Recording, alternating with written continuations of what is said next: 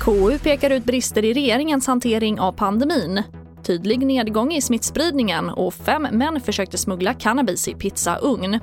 Ja, här är TV4-nyheterna som börjar med att snabbare, tydligare och mer kraftfullt borde regeringen agerat. Ett enigt konstitutionsutskott kritiserar regeringens hantering av pandemin på sex punkter.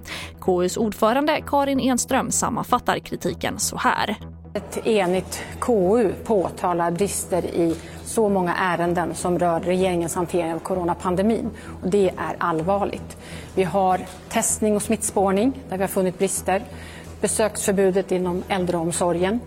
Vi har coronastrategihanteringen och hanteringen av pandemilagen som dröjde allt för länge. Och Folkhälsomyndigheten ser en tydlig nedgång i antalet personer som smittas av covid-19. Men man betonar att spridningen fortsatt är på en hög nivå och att restriktionerna bör följas. Men minskningen sker snabbare än vad man trott. Och när vården börjar få vissa marginaler öppnar man för att kunna lätta på restriktionerna tidigare än planerat. Och den socialdemokratiska regeringen i Danmark har fått igenom en lag som gör det möjligt att flytta asylprocessen utanför Europa.